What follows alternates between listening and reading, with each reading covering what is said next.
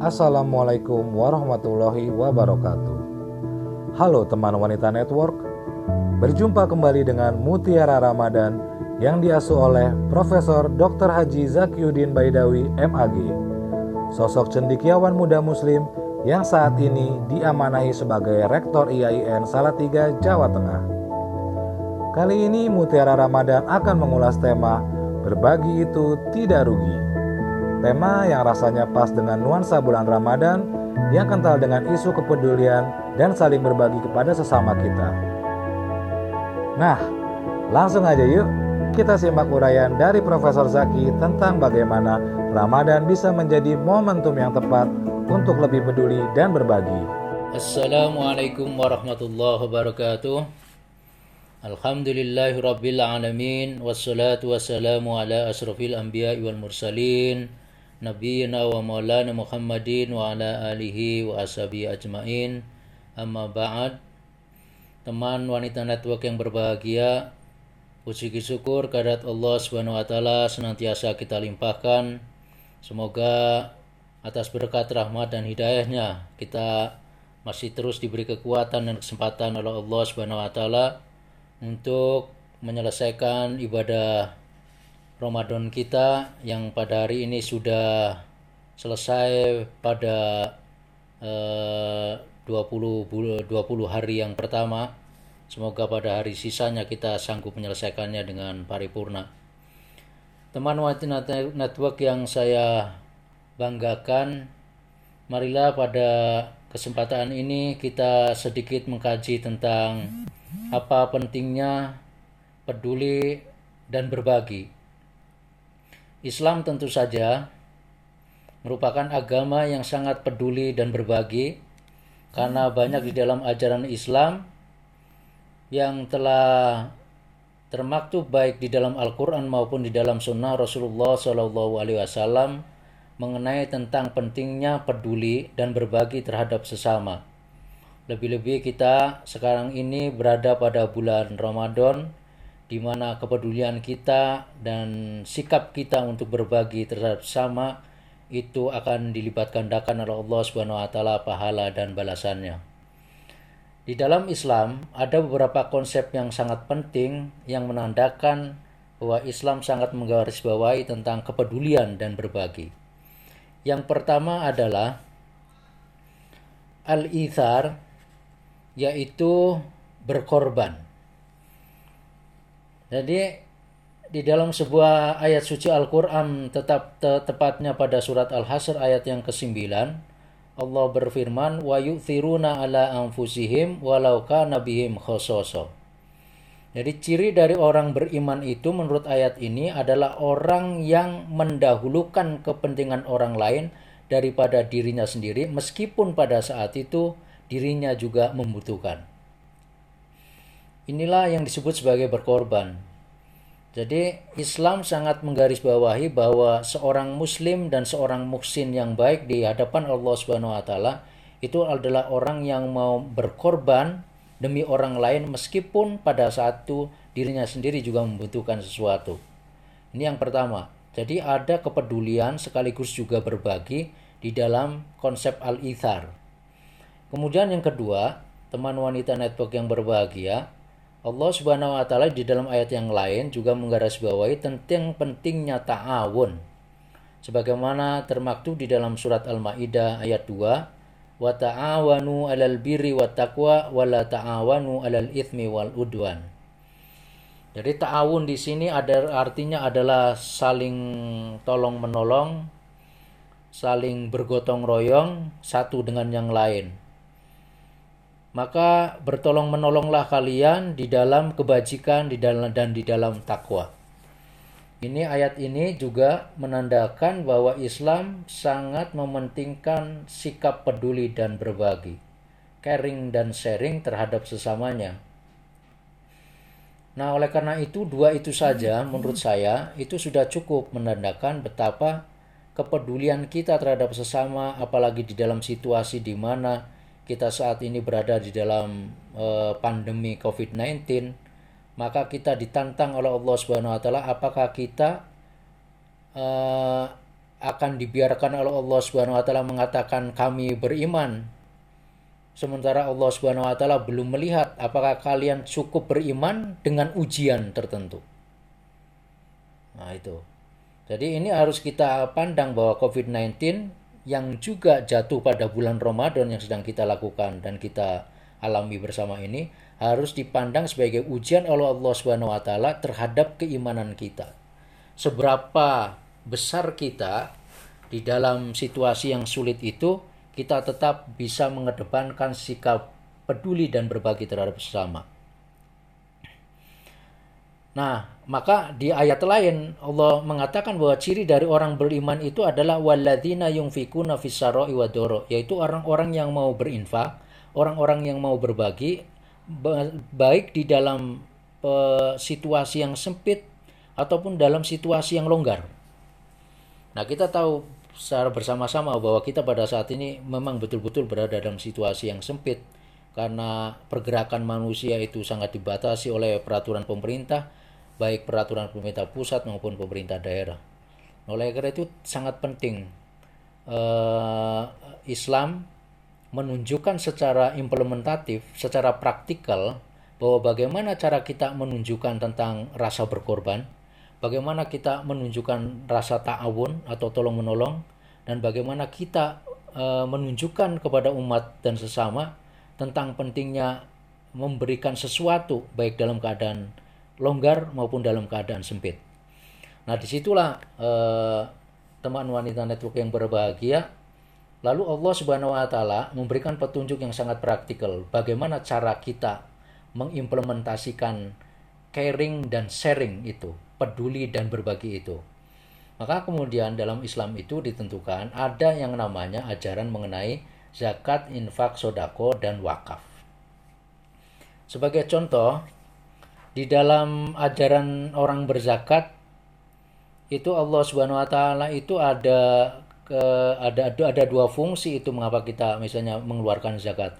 Yang pertama ketika kita mengeluarkan zakat fitrah misalnya pada saat di bulan Ramadan atau di akhir bulan Ramadan, fungsinya yang pertama adalah tuhrotan imin.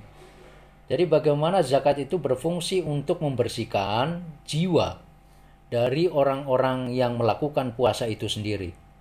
Jadi setelah satu bulan kurang lebih kita melakukan ibadah siam di bulan Ramadan, maka kemudian di akhir kita akan paripurnakan dan kita sempurnakan dengan mengeluarkan zakat fitrah yang fungsinya tuhrotan lisoimin bahwa orang-orang yang berpuasa itu diparipurnakan dengan mengeluarkan zakat fitrah yang fungsinya adalah agar jiwanya itu menjadi betul-betul bersih.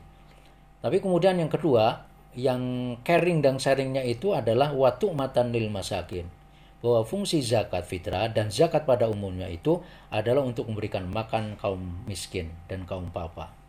Di situlah maka tidak heran kalau kemudian ajaran Islam itu betul-betul uh, me menggarisbawahi bahwa pesan dari risalah Islam yang paling inti itu adalah rahmatan lil alamin.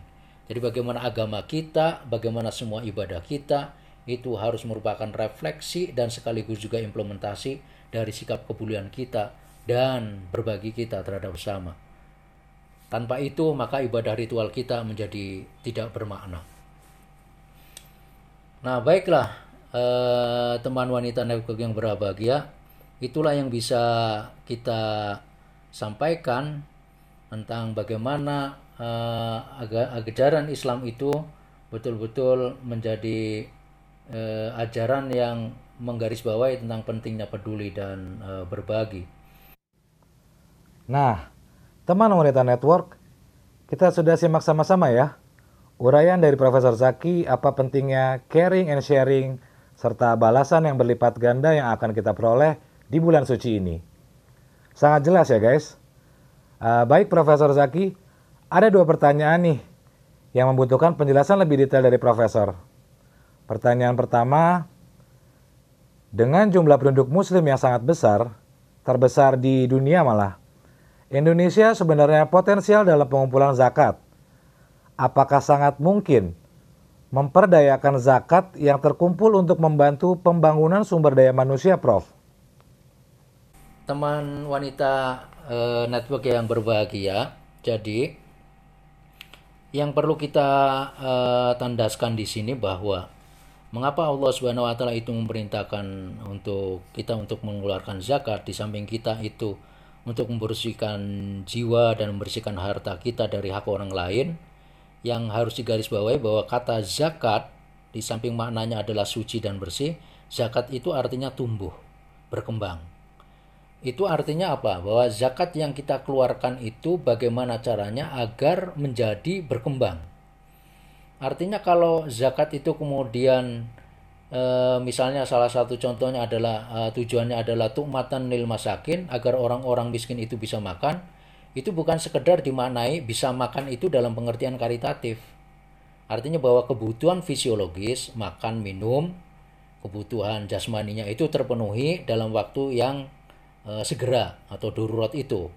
Bukan hanya itu, itu karitatif gitu yang bersifat karitas tadi itu itu memang penting dan juga diperlukan pada saat-saat yang betul-betul darurat. Tetapi supaya zakat itu menjadi berkembang, infak kita menjadi berkembang, sodako kita menjadi berkembang, itu lalu kemudian ada dua hal yang patut digarisbawahi. Yang pertama, bahwa uh, proses distribusi atau redistribusi zakat infak sodako dan termasuk dalamnya wakaf itu sesungguhnya bisa kita gunakan untuk dua hal penting lainnya. Yang pertama adalah peningkatan kapasitas terhadap orang fakir dan miskin dan orang-orang lain yang memang berhak untuk menerima zakat, infak, dan sodako itu. Artinya apa? Kita harus memberikan keterampilan, kita harus memberikan pendidikan dengan uang zakat itu.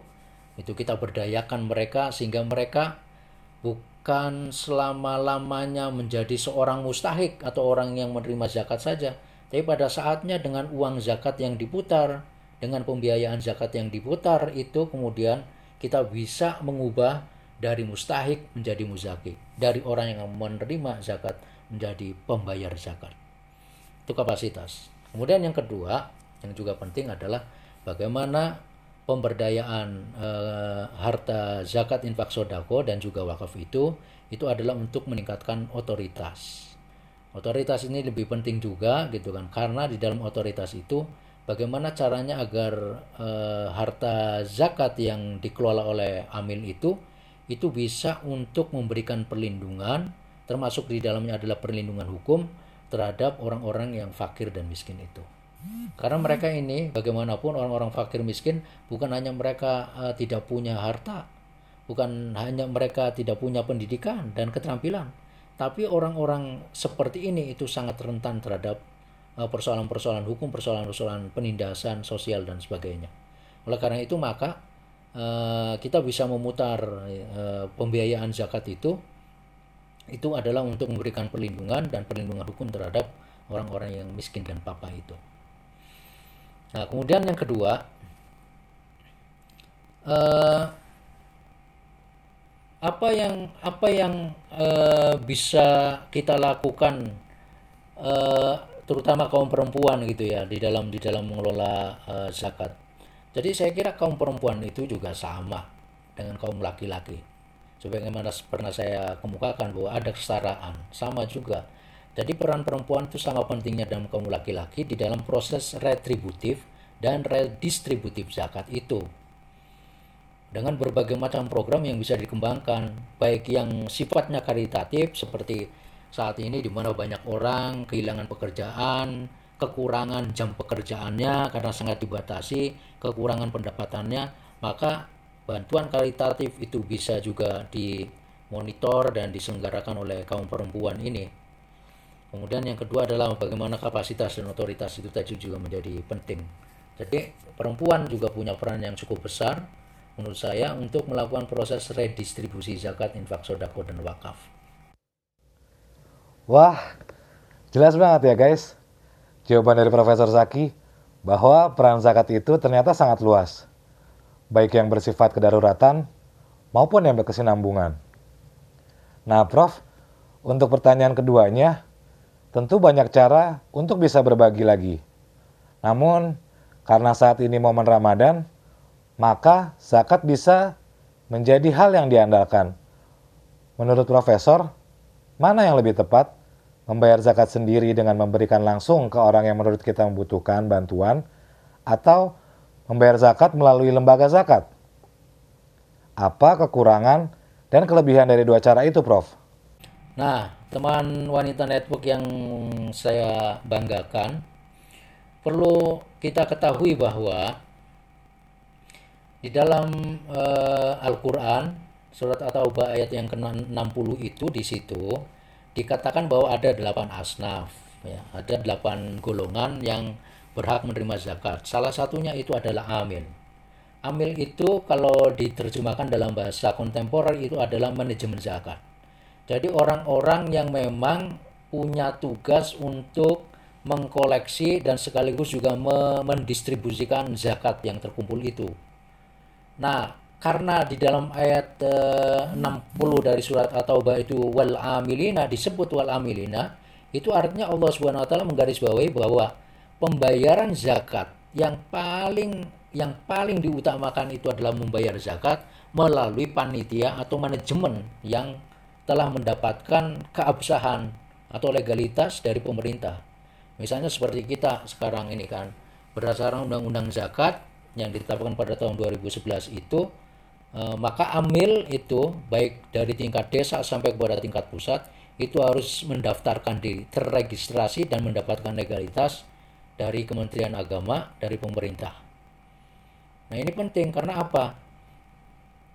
Amil ini tidak semata-mata berpikir bagaimana caranya menghabiskan zakat yang terkumpul.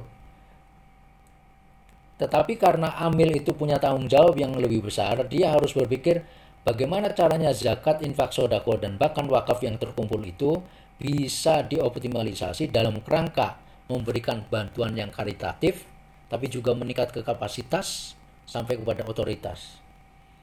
Jadi harus diorganisir. Kalau tidak terorganisir maka kekayaan eh, kekayaan filantropi atau kedermawanan dari Muslim Indonesia yang terbesar di dunia itu akan carut marut dan centang perenang.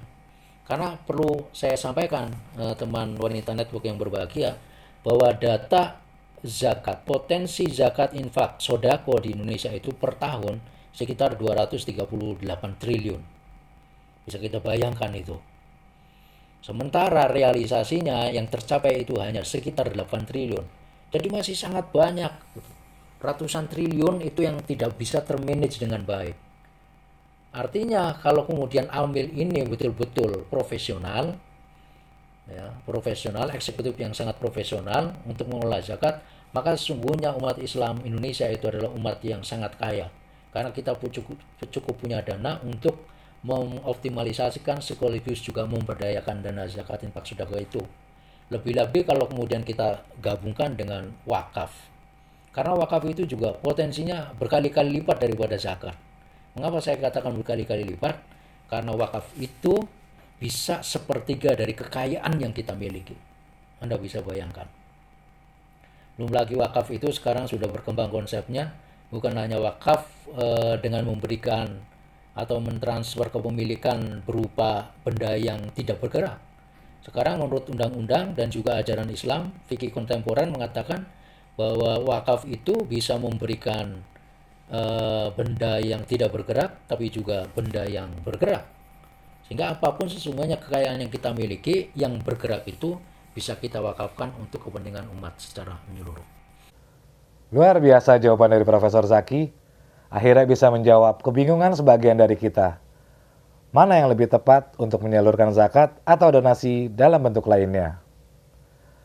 Uh, baik, Prof. Mungkin ada yang bisa Profesor sampaikan sebagai closing statement dari tema kita kali ini?